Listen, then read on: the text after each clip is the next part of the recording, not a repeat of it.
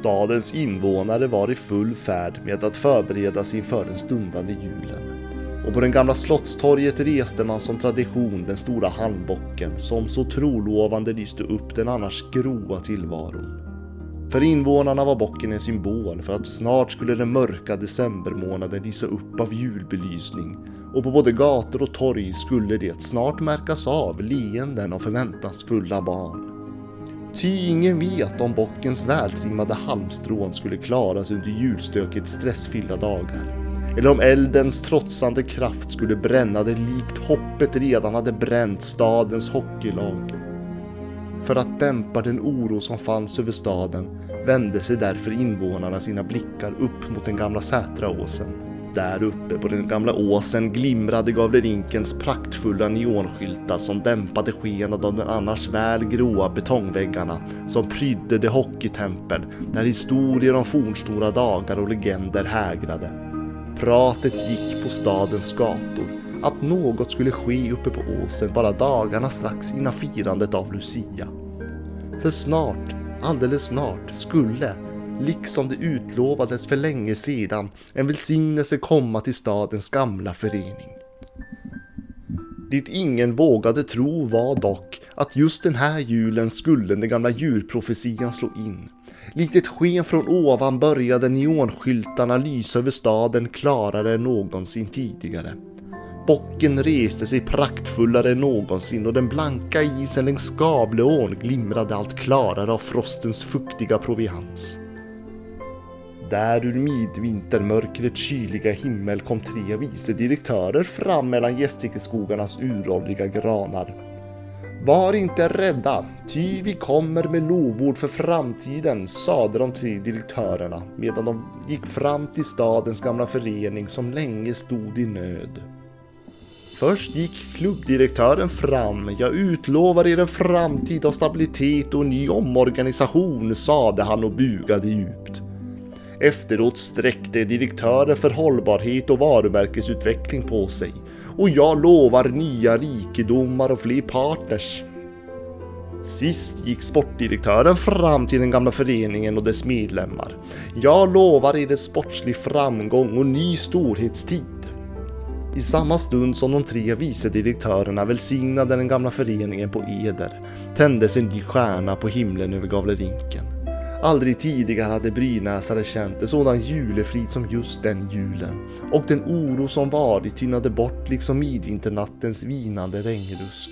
Ty bocken är vår och guldet och storhetstiden i all evighet hördes ropen på stadens alla gator och torg. Och halmbocken, ja, den står där ännu kvar intill slottet lika ståtlig som alltid.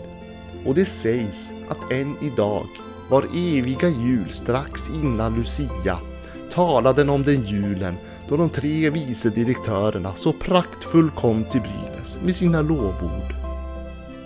Lovord som var advent väntar på att slå in. Såväl i Gavlerinken så och i Monitor ERP Arena.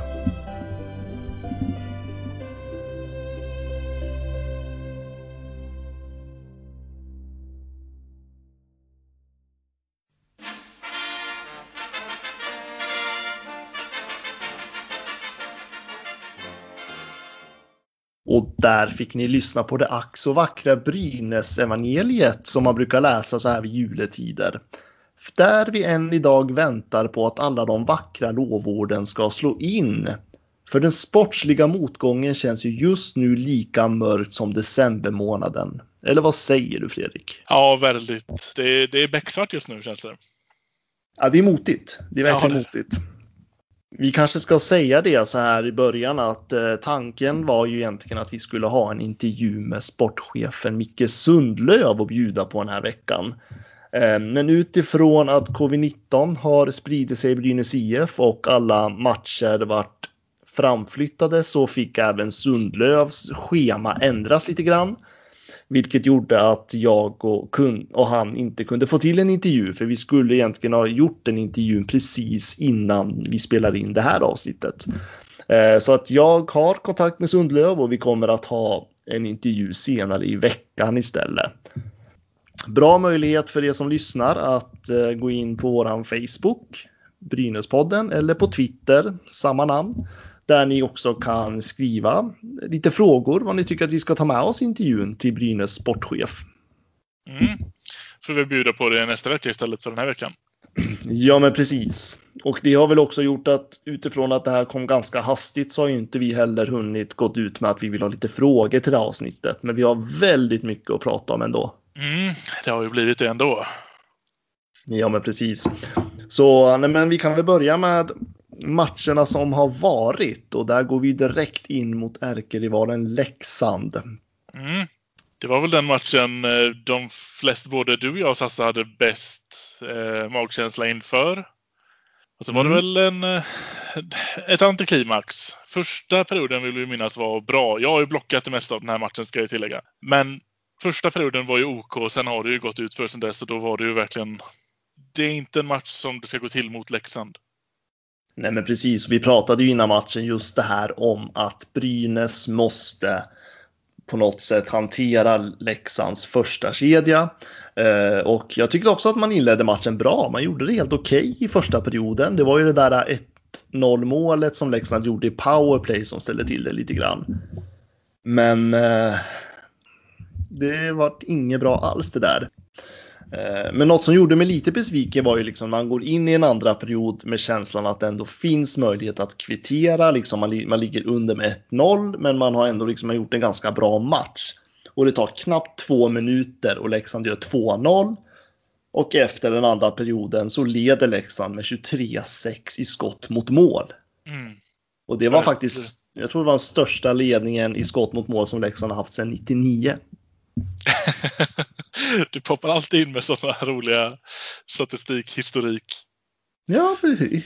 Ja, nej men det, På gott det och ont. Det här är Ja, ju egentligen precis. bara ont att veta. Men det är ju liksom så här när man har chansen att liksom gå in och kvittera. Jag tyckte ändå liksom att det var den känslan och jag tyckte att Patrik Berglund sa ju väldigt bra i intervjun där att ledarna behöver leda och följarna behöver följa och det kändes som att han var en av de som verkligen var med i den här matchen. Och jag hade väl hoppats att det där spridit över sig över hela laget och så går man in i en andra period och gör totalt tvärtom. Nej, det var ju det. Man kunde ju inte ladda om på det sättet. Man måste ju... Brynäs behöver ju tänka 0-0 där mellan periodpaus 1 och 2. När man låg under med 1-0.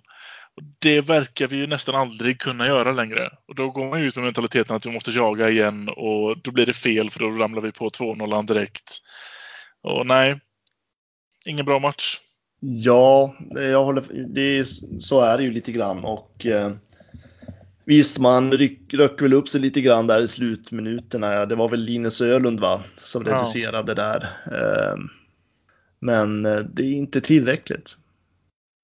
Jag tänker att vi kan ganska direkt hoppa över till Skellefteå-matchen för på något sätt så känns den mer intressant. Ja, den gör ju faktiskt det. Den har ju fått... ehm, det är väldigt många som väl som tycker sig ha kunnat se att Brynäs har steppat upp sig under den här matchen. Eh, det blev ju en väldigt målrik fest, 11 mål sammanlagt. Eh, jag blev dock nästan bara mer och mer förbannad ju längre den matchen gick. Jag tycker inte att det som folk både kan PC och hela, Twitter, hela Facebookflödet är fullt av ett fall framåt och jag håller bara inte med. Jag tycker att det såg bitvis riktigt, riktigt dåligt ut mot, eh, mot Skellefteå. Mm. Alltså jag tycker var matchen i sig var väl inte särskilt bra heller tycker jag. Det var ju inget tempo i matchen på något vis. Eh, men det fanns väl vissa liksom, om man ska tänka någonting positivt så tycker jag väl ändå att eh, ja, men en spelare som Oskar Kvist visar ju fram sig väldigt tydligt där i Mm. omgångar. Sen gjorde, tog, tog han ju någon eh, dum utvisning också, men det är ju liksom han är ju någonstans junioråldrarna också och man gör sådana där misstag. Eh, Det där, Ja. alltså Kvist är väl ändå en spelare som den här hösten verkligen har gått framåt i sin utveckling om man säger så. Mm, absolut. Eh, Men det jag saknade i Skellefteå-matchen var väl kanske de här riktiga, om- apropå ledarna måste leda, de här ledande spelarna. De, alltså visst, de, de gjorde väl något lite, Danielsson och Rudin och de där gjorde väl något assist. Eh, och Patrik Berglund gjorde väl ett av målen va. Men om man tittar spelmässigt och helhet, det var ju inte de spelarna som visade liksom framfötterna. Det var ju de andra som tog tag i det här. Ja, sen- precis. Och sen var det väl det där äh, man får liksom fem minuter powerplay. Ja. Man, skjuter, man får till två skott på fem minuter powerplay. Och Skellefteå och gör, ja, och släpper in ett. Och Skellefteå gör mål i boxplay. Då jag kokade när jag såg det powerplay. Det var det fan sämsta jag sett. Ja, jag, jag, kanske ska erkänna nu att det här med corona är inte bra för mig på många sätt. För att i vanliga fall brukar jag sitta på någon liten pressläktare och där måste man vara så neutral och vara liksom lite skötsam. Hemma i soffan så kan man ju yttra sina känslor hur mycket som helst. Mm. Och när det där målet kom, eh, var det 4-2 målet va? Ja, det måste det ha varit. Mm. Så liksom så här, jag, bara, jag lämnade soffan och gick liksom in till köket och lagade mat på det mest aggressiva sättet man kan göra. Liksom. Jag tror jag slängde den där köttbiten och bara kastade en jäkla smörklick på den. ja. Och sen hör man liksom från tvn att ja, men det börjar, Patrik Berglund gör mål, Tommy Sallinen gör mål. Um, och där tycker jag väl ändå någonstans att är det någonting man ska ta med sig från den här matchen så är det ju det här att man ligger under så pass mycket som man gör. Och där står ju Brynäs någonstans i ett val. Ska man liksom låta den här matchen bara fara iväg och man får åka hem med svansen mellan benen igen? Eller ska man verkligen ta tag i det här? Mm. Eh, om man ligger under med liksom 4-2, det har varit jäkligt kämpigt. Självförtroendet är inte högt i det här laget, men man jobbar sig ändå upp 4-4. Skellefteå gör det 5-4 och sen helt plötsligt så sätter Brynäs till med, är det Gunle som gör det sista målet där med 5-5. Mm. Jag tycker ja. där någonstans är, är det någonting man ska ta med från den matchen så är det ju liksom att Brynäs gav inte upp. Man hade den här inställningen att man fortfarande kan liksom vinna den här matchen. Men ja, samtidigt precis. så kan man ju också påpeka att gör man fem mål i en match så ska man fan inte förlora. Nej, och den är väl lite svår och den regeln går inte riktigt att applicera på Brynäs den här säsongen längre. Men det är som du säger, man, man gav inte upp eh, framåt i alla fall bakåt sett så tycker jag att det här var ju backarnas ett lågvattenmärke för backarna kanske. Jag vet att Bertilsson gjorde en bra match, visserligen, men de andra sju backarna, eller hur många vi nu hade med oss upp till spel, var ju alltid en halv sekund för sent för sen pass. Det satt aldrig på bladet och det var strul och det var småpass som inte gick fram och det var backarna jag satt och svor. Jag tror mina grannar kan referera den här matchen lika bra som vi, du och jag gör nu. För jag var inte tyst och det var hemskt att se emellanåt. Tänkte du en grej på den här matchen? Att eh, när Brynäs väl började skjuta från alla håll och vinklar, då började målen trilla in. Exakt! Börja skjuta. Det var så många gånger. Vinner en, en eh, offensiv tekning, en pass till en forward, en upp till back och då ska det, det är bara skott där. Skjut direkt. Alla andra lag i SHL gör det, men inte Brynäs. Alltså Brynäs har ju hela tiden försökt söka sig efter, alltså till den här skottsektorn. Det är liksom där man vill skjuta och tittar man där Brynäs avlossar sina skott så är det inom skottsektorn. Men att spela sig till skottsektorn hela tiden, det är väldigt svårt. Eh, det blir inte så effektivt kan jag tycka för att liksom, för det slutar ju med när du hela tiden söker in till den sektorn för att avlossa ett skott så slutar det med att du får inte så mycket skott mot mål. Nej. Och nej, någonstans, det... nej, men jag tycker också det här, för jag menar, jag är ändå fostrad i den här skolan att ja, men alla skott mot mål är ändå en målchans. Eh, och ungefär 80 procent av alla skott, eller alla mål som görs är av returer. Mm. Eh, och liksom den tanken, någonstans så kändes det som att när Brynäs väl började släppa det här att vi måste skjuta i skottsektorn, att, vi, liksom, att man tar de här chanserna så mycket man kan, då börjar man göra de här målen. Ja. Precis. Så att jag hoppas på något vis att man förändrar det där i offensiv zon. Men sen är det precis som du säger, försvarsspelet är ju helt under isen emellanåt. Ja. Eh, och det är ju en annan, en annan problematik såklart. Men jag kan vara med dig på det här att jag absolut, det är det de säger att de vill spela sig fram till skottsektorn och allt det här. Men, men okej, okay, låt det vara planen, men vi måste kunna vara flexibla i den planen i så fall. För det tar ju ja, ska vi ge dem två anfall innan alla i arenan har läst sönder Sveriges, äh, Sveriges Brynäs anfallsspel. Då måste vi kunna göra tvärt det. Alltså ta skott från backen emellanåt mm. utan att utan att behöva passa, utan det kan vara direktskott direkt på tekning. Det tror jag inte att jag sett en enda gång den här säsongen. Men man kanske ska fråga, man kanske ska fråga sig själv och liksom ha Brynäs manskapet för att kunna spela sig in i skottsektorn. Ja, det är också Om, om svaret är ja så kanske man just nu inte har självförtroende för det. Mm. Och där hoppas jag på något sätt, alltså Brynäs skulle behöva bli mer kreativa i anfallszon. Och det är då skotten kommer in. Men sen måste man hitta sätt att faktiskt inte släppa in så mycket skott heller. Ja, Viktor Andrén stod ju i mål just det, precis. eh, i Skellefteå. Vad tyckte du om hans insats? Eh, Jag tyckte ändå att efter hans långa frånvaro så, ja, jag tyckte inte han gjorde några direkta tabbar. Jag tyckte att det var försvarsspelet som inte hjälpte honom i de, eh, i de flesta av målen han släppte in. Får ändå ge honom också att han var ju inte ens backup uppe i Leksand. Utan det, var, det var ju Mattsson som vanligt. Han gick ju direkt från eh, skadelistan rätt in första keeperplatsen. Jag tycker ändå att han gjorde ett godkänt. Eh, jag vet inte om det hade gått jättemycket bättre med, med Ersson i mål. Nej, jag, nej, jag tror inte att det hade gått bättre med Ersson. Jag tyckte att Andrén var väldigt lugn eh, i målet. Ja, jag tyckte han var fokuserad, han var väldigt lugn. Han släppte ju inte lika mycket returer som han brukar göra annars. Nej, jag tyckte att han fångade in puckarna väldigt bra. Och precis som du säger, många av de här målen Brynäs släppte in, det var ju inte Andréns fel, utan det var ju det var ju Skellefteå som fick utrymme av, av Brynäs försvarsspel att faktiskt spela bort dem totalt. Mm. Eh, Alltså Andrén hade ju inte en chans på många av de där puckarna. Eh, Och det är ju liksom inte han som ska belastas för det. Nej. Nej, jag Så- tror det var i alla fall minst två av dem var ju sådana här backskott som blev en styrning på så en halv meter innan, innan Mm. eh, den kom fram till Andrén. Det, är inget, det finns det ingenting att göra. Liksom. Nej, nej men precis. Men det är ju lite när man ändå har spelat 18 matcher in på säsongen och fortfarande har det här strulet i försvarszonen.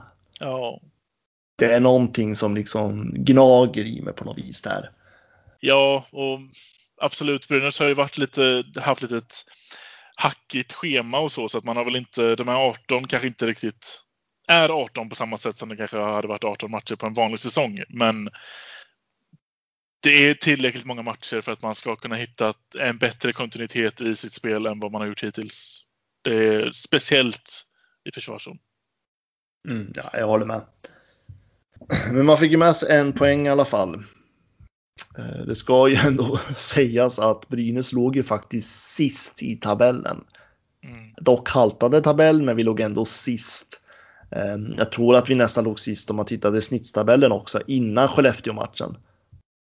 Ja, jag vill också minnas det. I, idag när vi spelar in det här så ligger ju Brynäs näst sist. Eh, ligger ju dock, vad är det? Det är väl en Många match mer spelad Malmö har, va? Eh, Malmö har 20 matcher spelade, så vi har ju två matcher mindre spelade än vad. Malmö har. Eh, Men vi har ju fyra mindre matcher mindre spelade än till exempel Frölunda har. De, de har spelat 22 matcher. Mm. Eh, Och vi har ja, fem mindre matcher än Skellefteå, så att det är ju en väldigt haltande tabell. Ja, men, tittar man, då. men tittar man då på Oskarshamn och Lidköping som är de lagen som Brynäs behöver ta ikapp så har ju de också lika många matcher som Brynäs har. Ja. Det är fem poäng upp till att inte behöva kvala. Mm, två segrar. Ja, det är, det är två segrar. Det är två som just nu väldigt, väldigt hårda segrar långt framöver. Ja, det är många matcher kvar, men det här är ju... Jag börjar bli lite nervös. Samlat Skellefteå-försvar, Jakob Silfverberg. Men vilket mål han gör! Vilket mål han gör, Jakob Silfverberg! Ja, och apropå att det är många matcher kvar så vart det ju, kom det ju ut nu att eh, covid har spridit sig i Brynäs IF. Ja, det var Och, väl en tidsfråga. eh, Det var en tidsfråga, ja. Det har ju funnits covid-19 i Brynäs organisation tidigare, både i spelare och annan personal. Men nu har man väl tydligen spridit på det sättet att man kan inte garantera eh, att övriga laget är smittade vad jag förstår. Nej. Och därför så är Djurgårdsmatchen som skulle ha spelats idag Mm. eh, när vi släpper den här podden och Luleå-matchen på torsdag framflyttad. Sen har ju vi också uppgifter om att det är lite osäkert kring lördagsmatchen mot Linköping också. Ja, Det känns ju väldigt osannolikt att den kommer spelas. Jag känner likadant kring Leksandsmatchen på tisdag nästa vecka. Den känns också... Jag tror vi kommer få stå utan Brynäs-matcher ett tag här nu. Mm. Och då kan vi kolla på den här haltande tabellen då. Som sagt, vi ligger fem matcher efter Skellefteå då. Skellefteå spelar mest matcher. fyra matcher efter Frölunda. Nu kommer vi, nu kommer vi ha två matcher till då som kommer ligga garanterat efter. Då. Sen får vi se lördagens då, men då kan vi ha tre matcher till då. Mm. Om vi redan ligger efter med fyra, fem matcher. Så förstod nog många att Brynäs kommer ligga efter bra mycket i antal matcher senare. Ja, Skellefteå kommer ha hunnit spela halva sin säsong när vi får börja spela matcher igen. Mm. Så blir det ju absolut. Och jag vet inte, alltså det är någon, någon, någonting i mig säger att det här är så orättvist. Eh, för Ja, även, så- om, även om i slutändan alla lag kommer spela lika många matcher, alltså nu, det här är inte bara Brynäs, nu tänker jag generellt i en liga liksom när det blir det här. Alltså det är ju matcherna som laget utvecklas i. Mm. Det blir inte samma, alltså jag vet att många, jag läser på sociala medier så är det ju många liksom, ja men vad bra Brynäs behöver träna i alla fall och så vidare och så vidare. Ehm, men det är ju på matcherna man utvecklas. Det är ju på matcherna som liksom allt det här träningen faktiskt får möjlighet att, att se över vad är det vi behöver förbättra. För även om man spelar på träningarna, precis som vi pratade om förra veckan, det är, det är ju träningsmatcher. Det blir inte samma sak att spela mot sin lagkompis som att spela mot en riktig motståndare. Nej, och som Sasse var inne på förra veckan också, att det är ju bra träningar Brynäs har. Jag tror inte att, det är, att vi behöver träna mer. Jag tror att vi behöver spela mer. Ja, jag håller med.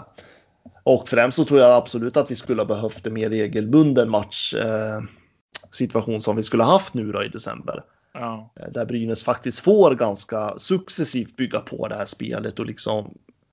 För på och visst, ja, det, det har inte sett bra ut de senaste matcherna, men det finns ju ändå den här kämpar och viljaglöden kvar i laget. Och man kan man bygga på det där på något vis, men. Det var det nästan jag hade sett fram emot den här veckan, men nu blir det ju inte så. Nej. Det kommer ju dock innebära för framtiden att vi kommer få mer kontinuitet i det senare. Men då kanske mer frågan om att vi kommer ha världens jobbigaste spelschema. Mm. Men kan du tänka dig då att vi kan vara i en situation där Brynäs kanske får spela, spela att eh, jag menar, alltså när, ja, uppemot 8 till 10 matcher mindre än motståndarlaget? Ja. Ja, nej, det kommer ju inte se... Det, man, man kommer ju se skillnad känns det som. På var olika lag är i sin fas under säsongen och vi fortfarande kämpar med att komma in i det vi skulle varit i för tio matcher sedan. Mm. Ja, jag vet inte. Det, det är någonting i mig som tycker att det här inte känns okej riktigt.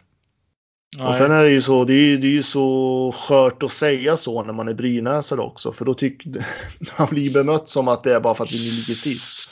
Eh, Ja. Men jag tycker på något sätt att det är inte sportsligt rättvisa att det ska vara så här. Och jag förstår att Brynäs IF utåt kan väl inte säga så mycket att det här påverkar dem negativt på något vis, utan de måste ju köra det här att vi jobbar på och liksom det är lika fallande när de blir drabbade. Men Brynäs är väldigt illa drabbade. Mm. Nej, det känns inget bra. Det är ju tyvärr en sån skitsäsong just nu som där det kommer bli så här för vi har ju inte heller en det finns ju inte heller någon rimlig lösning på det. Det skulle vara att stänga hela ligan under hela december och hoppas på att det är OK igen efter årsskiftet. Men det finns liksom ingen vettig lösning på det heller. Nej, och det är ju Simor kommer ju aldrig godkänna det heller. Det är ju liksom det enda vinstpengarna som SHL-klubbarna får in just nu.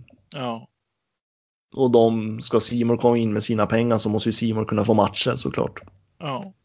Så att det är bara att nöta på, men ehm, det är ett jobbigt läge. Absolut. ja man kommer ju känna med dem, knack knack, ta i trä, de som faktiskt måste åka ur i år. Det, det, för det är ju ett lag som måste åka ur i år. Mm. Och då är det ju verkligen bara att hoppas att det är ett lag som inte har eh, påverkat så som vi har gjort hittills kanske. Ja, men precis. Ja, nej, men som sagt, det är inte, jag tycker inte att det är, det är ingen bra sportslig rättvisa i det här. Nej. Nej. Nu har han gjort flest mål i en SM-finalserie i ett SM-slutspel genom tiderna. Men vilket mål han gör! Här under dagen, under inspelningsdagen, så har det även kommit fram att Brynäs ändrade om lite i sin, eh, på kansliet. Det är Kevin som har tidigare varit gäst hos oss här i podden. Som har varit kommunikationschef som nu då går till, är det Västerås? Ja. Hem till hemtrakterna. Ja, det har ju blivit väldigt mycket reaktioner på det här. Det är ju många som tycker det är tråkigt naturligtvis. Eh, Jag vart verkligen inte förvånad. om jag får säga så. Han bor i Västerås. Ja, han den är delen, en ja. västeråsare. Han har hejat på Västerås, Västerås han var liten och det är inte så att han har dolt på sociala medier att han hoppas på det bästa för Västerås på något vis. Nej. Jag menar, och han pendlar ju från Västerås till Gävle när han jobbar i Brynäs. Jag förstår ju honom att när Västerås ger honom ett så här erbjudande att han går till Västerås då. Ja, ja, han pendlar rejält gör han. Ja, så att det är liksom, ja, det här är, det är ju, alltså, jag har nästan tänkt ganska länge att han, han kommer ju hamna i Västerås till slut. Mm. Eh, Sen kanske det varit lite dålig timing just idag utifrån att eh, Brynäs, ja men det här med covid-nyheten kom ut och så vidare. Mm. Och många tyckte väl att ja, det var en väldigt tråkig måndag om man säger så. Eh, Men det är ju Västerås själva som bestämt när det där ska ut, den där informationen ska ut. Det har ju liksom inte varken Kevin eller Brynäs på något vis kunnat påverkat. Nej. Eh, Så att eh, väl väntat, eh, men såklart, det är ju en person som har gjort väldigt mycket i det kommunikativa arbetet inom Brynäs IF. Ja, han har ju fått leda, ta stafettpinnen framåt lite i de förändringarna man har velat göra på senaste. Hur länge det han har varit med oss nu? Två år va? Ja. Kan det vara så? Och det är ju vad jag förstår eh, på lite mm, tweets som Micke Campesa svarat på så verkar det som att Brynäs hoppas att den här kommunikatören Martin ska ta över. Mm. Martin Löv. Ja, just det. Ja, han har vi ju bara sett i form av, eller egenskap av kommunikatör. Och ändå gjort ett helt såklart godkänt jobb. Så det ska bli kul att se om han vill ta den rollen eller inte. Eller om vi kommer behöva rota oss ut i, på marknaden och kolla vilka det är som, eh, som vill ansluta. Är inte han också från Västerås? Det är han va? Jo då. Ja, För om jag inte missminner mig så pendlade han också från Västerås till Gävle. Är det så? Jag har hört, det kanske inte stämmer, eh, men jag har hört att det är så. men eh, det är klart, han kanske vill stanna i Brynäs. Eh, Och ja, men det är alltså att, att vara kommunikatör och att vara kommunikationschef är två helt olika saker egentligen. Eh, Det är olika uppdrag, man har olika rollfördelning. Alltså det är väl om man vill ta den rollen då. Ja, precis. Det var ju lite som Kevin var inne på när han gästade på den här tidigare den här säsongen att senast eh, Ja, nu kommer jag inte ihåg hur, eh, vilket tidsspann han angav, men det är ju inte mycket kommunikation han pysslar med längre. Nej, det är ju mer strategiska frågor, eh, vilket har varit ganska tydligt kan jag tycka. Eh, för det är ju alltså, tittar man bakåt i tiden, alltså bara de här två åren, så det är ju inte samma sätt som man kommunicerar idag som när Kevin började som kommunikationschef. Nej. Det är ju inte, det är inte lika mycket rörliga bilder, det är inte mycket de här flashiga grejerna när Brynäs värvar in en spelare till exempel, utan man har gått tillbaka till väldigt basic kommunikation egentligen. Sen gör man det bra. Det är inte det, jag säger inte att det är dåligt, utan man gör det väldigt bra det man gör. Mm. Men så mycket tycker inte jag att Brynäs sticker ut idag jämfört med övriga SHL-klubbar, vilket man gjorde förr. Nej, precis. Sen kan det ju naturligtvis ha orsaker som att eh, ja, men covid-19, att eh, säkert att kanske kommunikationsavdelningen har varit permitterade en tid också.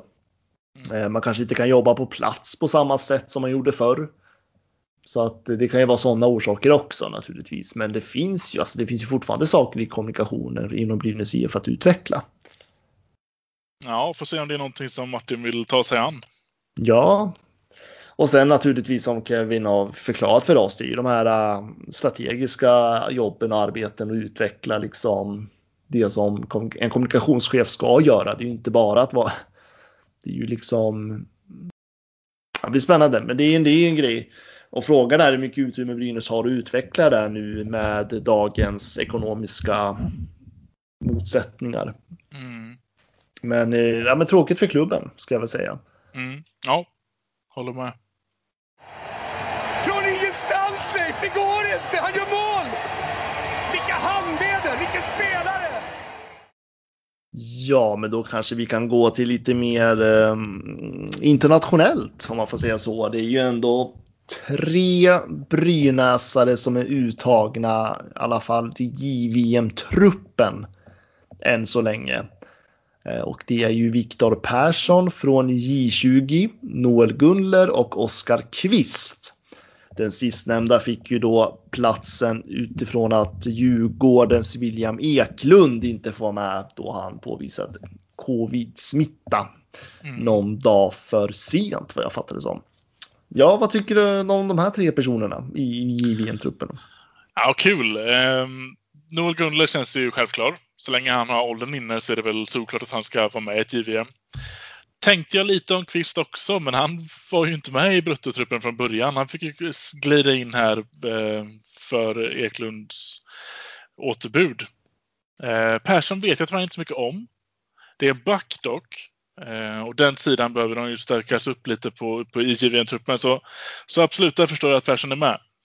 Men kul! Jag tror att det kommer bli ett, ett jäkla bra svenskt lag vi har i JVM i år. Mm. Jag har lite ehm, i Brynäs ögon, alltså för Sverige skitkul, för de här individerna skitroligt. Eh, bra jobbat. Eh, Viktor Persson är ju också en kille som är fostrad inom Gästrikehockeyn. Han är från Hedesunda i början. Ska jag berätta. Och eh, gör det väldigt bra i J20 just nu. Mm. Eh, för er som inte känner till honom lika bra. Eh, det enda jag kan känna lite grann är att jag inte riktigt har lust att förlora Kvist och Gunler i det läge Brynäs befinner sig i just nu. Nej. Eh, för är det något, några spelare som ändå har varit lite mer framåt, särskilt Kvist tycker jag, som jag nämnde i tidigare podden, att han, jag tycker att hans utvecklingskurva är väldigt trevlig att följa just nu. Eh, Gunler tycker jag ändå börjar anpassa sig bättre och bättre i Brynäs. Han, han börjar ju liksom visa sig i protokollen nu också. Och i ett läge där Brynäs verkligen behöver jaga i kapp, man behöver ta poäng, man behöver vinna matcher, man behöver inte, alltså det är inte bara en match man måste vinna, man behöver vinna flera matcher i rad för att det här ska liksom ordna upp sig på något vis. Det är lite jobbigt ändå. Mm. Eh, även om det inte är några bärande spelare på det viset. Men jag tycker ändå att det här är ju två killar som har nu när det har gått lite motigt också visat framfötterna på ett bra sätt. Ja, Eh, så jag förstår varför de hamnat i JVM, men för Brynäs fall så kan det bli ett jobbigt läge. Ja, det kan det absolut. Jag tänker att eh, jag är ett väldigt stort fan av JVM, så jag kan förlåta rätt mycket när det kommer till den här turneringen. Men det är som du säger att det är många matcher nu där vi behöver trampa igång i Brynäs. Det finns det, de är ju borta, i och med att de ska vara i den här bubblan likt Stanley Cup-slutspelet, så är de borta väldigt länge.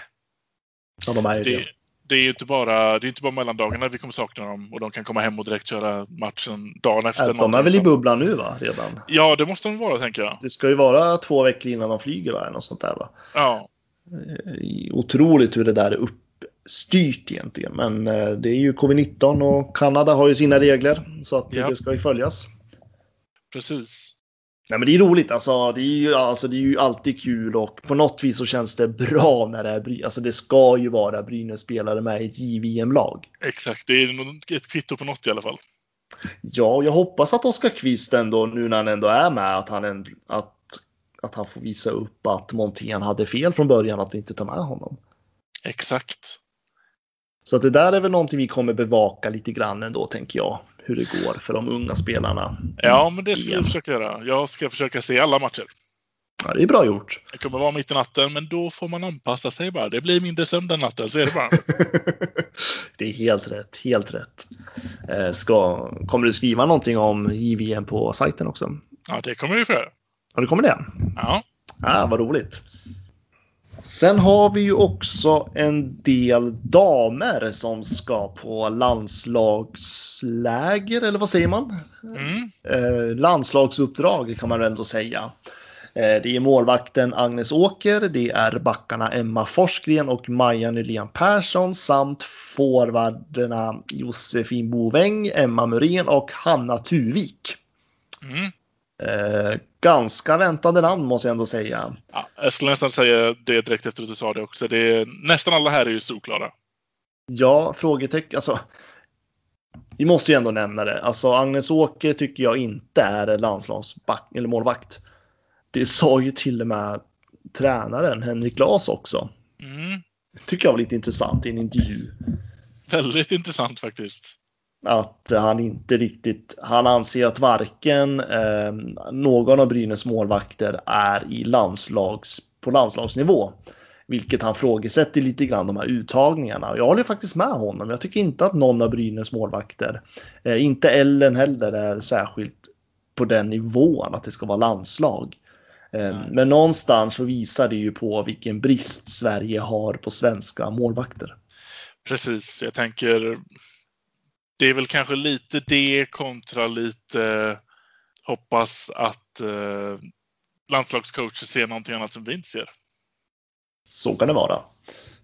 Det kan ju också vara så att man måste ha en andra målvakt bakom Sara Gran.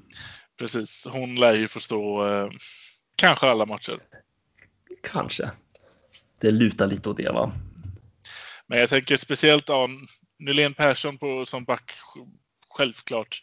Men även eh, Boiveng, Muren och, och Tuvik känns så, så otroligt solklara. Ja, ja, ja, ja. Det, är, det är ingen snack om den saken tycker jag. Det är bara, men det är bara bra. Alltså, det är roligt att de får vara i landslag naturligtvis. Damerna har väl, när vi ändå är inne på damlaget, så har väl de sex raka vinster nu va? Ja, stämmer. De tuffar på väldigt bra. Mm. Det är liksom nästan så att man, det är som många säger liksom, det är ju det är de man nästan vill följa resultatmässigt för att det är ju där, där vinner man ju matchen i alla fall. Ja, det är sällan, det är sällan uddamålsvinster också. Det är ju det är ofta målfest när, när damerna går ut och spelar. Det ligger mm. dock fortfarande tvåa. Det är ju Luleå som toppar där fortfarande. Ja, men Luleå har ju lika mycket målfest som Brynäs har. Det är ju det. Eh, och eh, det är väl som vi har sagt tidigare också, det är väl de två lagen man förväntar sig komma i ja, men eventuellt SM-final. Ja, jag har ju hållit HV rätt högt. De har ju sackat efter jättelångt nu. Det är ju faktiskt 14 poängs skillnad mellan Brynäs på tvåa och Djurgården på trea. Mm. Ja, det är helt otroligt. Det är ett ryck Brynäs och Luleå gör. Det gäller bara att hänga med, lägga rygg på, på Luleå här. Eh, så att man i alla fall stenhårt är tvåa och sen så krossar de i finalen bara. ja, absolut. Säger inte emot det. Alltså. De kommer ju faktiskt möta Luleå den 12 december. Ja, och eftersom alla Brynäs herrlagsmatcher, eh, nu vet vi inte då just den 12, det kan ju bli match mot eh, Linköping, det va? Mm. Eh, jag tror verkligen, verkligen inte det. Så då blir det ju att bänka sig såklart till, eh, till Luleå-matchen istället. Ja, och fredag-matchen mot Modo. Det är ju liksom två matcher på raken där. Sen har ju damerna ett uppehåll ända till efter jul eller annandagen är det va? Den 26, mm. är inte det annandag? Precis. Ehm, så det är ett långt decemberuppehåll där, men det kanske har med de där landslagslägret att göra. Ja, jag tänker att det måste nästan ha det. För det, det är ett rätt långt uppehåll, det är lite över två veckor tror jag. Så det hänger antagligen ihop. Och sen blir det HV och Göteborg borta som en liten borta turné där. Det är synd att de här restriktionerna är där de är. Annars hade man ju gärna smugit in på Angeredsarenan och sett Göteborg-Brynäs. Men allvarligt talat Leif Boork, du håller på med hockey i 600 år. Hur skjuter karln? Hur skjuter han? Han skjuter väldigt bra, han skjuter väldigt hårt, han skjuter väldigt pricksäkert. Fredrik? Mm? Du har ju inte Twitter. Nej. Nej. Är du medveten om att jag har gjort en liten undersökning angående det? Att jag inte har Twitter? Mm. Nej. Men det har jag gjort, Sara. Det är nämligen så här att jag ställde en fråga på Twitter om det är... Jag kan säga så här ställde jag frågan. Visst bör min poddkompanjon i Brynäspodden Fredrik Strömbom skaffa Twitter? Frågetecken. Har du gjort detta på riktigt? Ja, jag har gjort detta på riktigt. Okay. Alternativ var ett, det eller att bli en pappfigur i arenan. Andra var, alternativet var ja, om så med tvång. Och det tredje alternativet var ja eller en swish till damlaget. Okej. Okay. Ja, och eh, det är inte du som bestämmer det här utan nej, nu nej. är det så här att det är folk som har röstat. Alla alternativ. På, ja, det är folk som har röstat på Eh, det här och då är det alltså 51 procent som har röstat på att du ska skaffa Twitter eller bli en pappfigur i arenan. Okej. Så det är de två valen jag har nu? Det är de två valen du har. Sen var det någon som tyckte att du skulle göra både och. Det är Spontant är jag lite inne på den faktiskt. Ja, det är upp till dig. Så nu får vi se här om du dyker upp på Twitter och blir en pappfigur i Monitor ERP Arena och mm. stöttar Brynäs ekonomiskt. Ja, jag... Ähm... det var väldigt bra initiativ här tycker jag Viktor. Jag förstår piken. Det är dags att skaffa Twitter. Det tycker jag verkligen att det är. Jag känner mig lite ensam där vet du. Ja, nej, men det, det kommer jag lösa. Jag kan till och med lova att lösa det till nästa avsnitt. Härligt och då kan och så... jag be alla lyssnare att följ Fredrik Strömbom på Twitter när han dyker upp nu. Yes. Och även en pappfigur ska jag försöka lösa. Åh, vad härligt. Åh, vad härligt. Jag ska bli pappfigur. Ja, det är så? Ja, jag har gjort en pappfigur till mig själv, vill jag på säga. Till, eh, där någonstans i arenan. Men jag vet inte om det dyker upp än. Det stod att det skulle kunna ta sju dagar. Jag kommer inte ihåg när jag beställde den förra veckan. Okej. Okay. Ja, och så lite inställda matcher på det. Så det kan ju dröja ett tag innan vi ser det då. Mm. Jätte, jättefin vart jag. Mm. Mm. Den kommer jag väl utkika efter. Ja, det tycker jag absolut du ska göra. Nästan hoppa, får snacka med dem och se så att vi hamnar bredvid varandra. Åh, hade inte det varit bra? Ja. Och vi måste be någon så att vi får sitta tillsammans och titta på hockey i pappformat. Det hade Exakt. varit underbart. Det kanske Kevin kan ordna det sista han gör innan Ja, det sista han gör. Först fixar han det, sen kommer han till oss och kör en avslutande, en hejdå-intervju. ja, det hade varit underbart. Ja, men ska vi, vi kan ju avrunda lite grann med, eh, för det är ju väldigt mycket, alltså, du har väl varit inne på lite olika forum va, i sociala medier. Mm. Hur tycker du att stämningen är bland brynäsarna? Jag tycker att den har förändrats efter Skellefteå-matchen. Mm. Eh, det var väldigt många som, som tycker att, att det var ett stort steg framåt och nu visar det att vi kan göra mål och, och, och så. Eh, lite under, undantaget som bekräftar regeln väl. För i övrigt är det ju väldigt gnälligt. Med, med all rätt. Mm. Men för det har ju varit väldigt mycket diskussioner här kring att eh, ja, men det, det, är så många skriver ju liksom som att Brynäs redan åkt ur den här serien på något vis. Ja, oh, gud ja. Vi är alltså, redan i allsvenskan redan. Ja, men, ja, men jag, alltså jag hoppas till gud att det är ingen i Brynäs IF som går in på sociala medier just nu. Nej, och tyvärr är det ju det. Såklart gör de ju det. Ja, och det ska de inte göra. Otroligt det... negativa människorna. Jag tycker fan, är det någon spelare eller kanslipersonal som lyssnar på det här nu, gå ur sociala medier. Följ inte det här. Det är liksom så här, man mår ju dåligt av att läsa det där för 17. Ja, och det är ju den här härliga blandningen mellan att skriva i affekt som man säger. Ja, men det får man göra. Alltså i matchsituation tycker jag, alltså det är klart, det gör jag själv på Twitter. Där kan jag skriva ibland lite för mycket nästan. Eh, men jag blir någonstans att eh, det är skillnad att vara realist och vara en liten gnällspik. Ja, det är också skillnad att vara en rimlig människa och förstå att okej, okay, nu tar vi ett exempel. Andrén halkade framför och det blev en friläge. Han ska inte bli eh, sparkad, petad, mördad. Alltså det är så otroligt sjuka kommentarer man ser där ute. Ja, nej, men jag tror någonstans att vi skulle behöva ransaka oss själva alla fans och brynäsare. Ja. Det är en jobbig period och ja, jag är också orolig för att det här är en säsong som vi kan gå hur som helst. Eh, men någonstans så är det ingen som vinner på att, vi, att det ska vara så mycket gnäll. Absolut ska man kunna diskutera, man ska tycka, man ska ha åsikter om det sportsliga. Man ska ha åsikter om hur föreningen sköts på något på alla sätt och vis. Men det, det är inte det Brynäs behöver just nu. Jag tycker någonstans ska vi diskutera allt sånt när den här säsongen är över. Och man måste ju tänka alltså. Tänk ett steg till innan du lägger upp en jättedum kommentar och sen tänk också att oavsett vad det är du ser på isen, oavsett vem som inte gör mål, vem som verkar loj i den här matchen, alla spelare i Brynäs IF vill ju vinna matcher. De är ju inte där för att göra för att stämpla in på arbetsdagen så de får sin lön. De vill ju de spelar hockey för att vinna. Du, jag tror ingen ledare eller spelare oavsett vad man tycker och tänker vill vara den personen som är med och drar ner Brynäs IF. till en lägre division.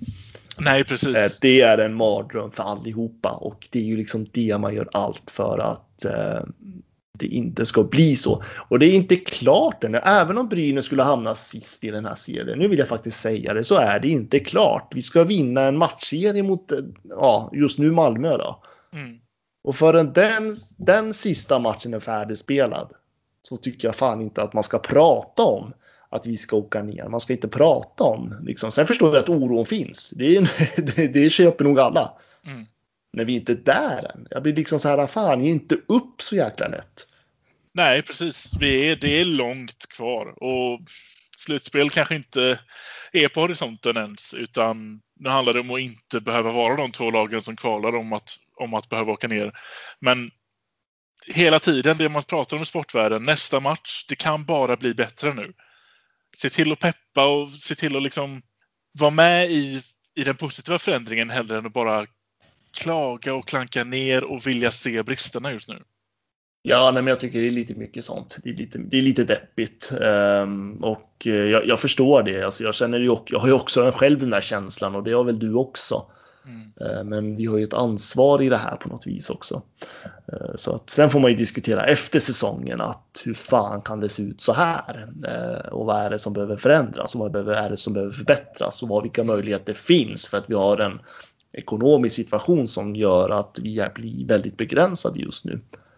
Så. Men nog om det. Det var bara en liten här, spontan reflektion som jag hade där. Mm. Jag har eh, tänkt mycket på detta faktiskt, så det var bra jag, att du tog upp det. Ja, jag vet inte om det var så bra att avsluta med den kanske. Eh, men som sagt, eh, vi kommer att försöka få till en inter eller vi ska få till en intervju med blivande sportchef Micke Sundlöv. Så att är det så att ni har frågor så skicka in de frågorna så ska jag ta dem vidare fram till dess så får vi väl ses nästa vecka och se om vi har spelat några matcher eller inte. Mm, precis, det ska bli intressant. Hoppas att vi kommer undan lindrigt i alla fall och bara de här två eh, tisdags och torsdagsmatcherna.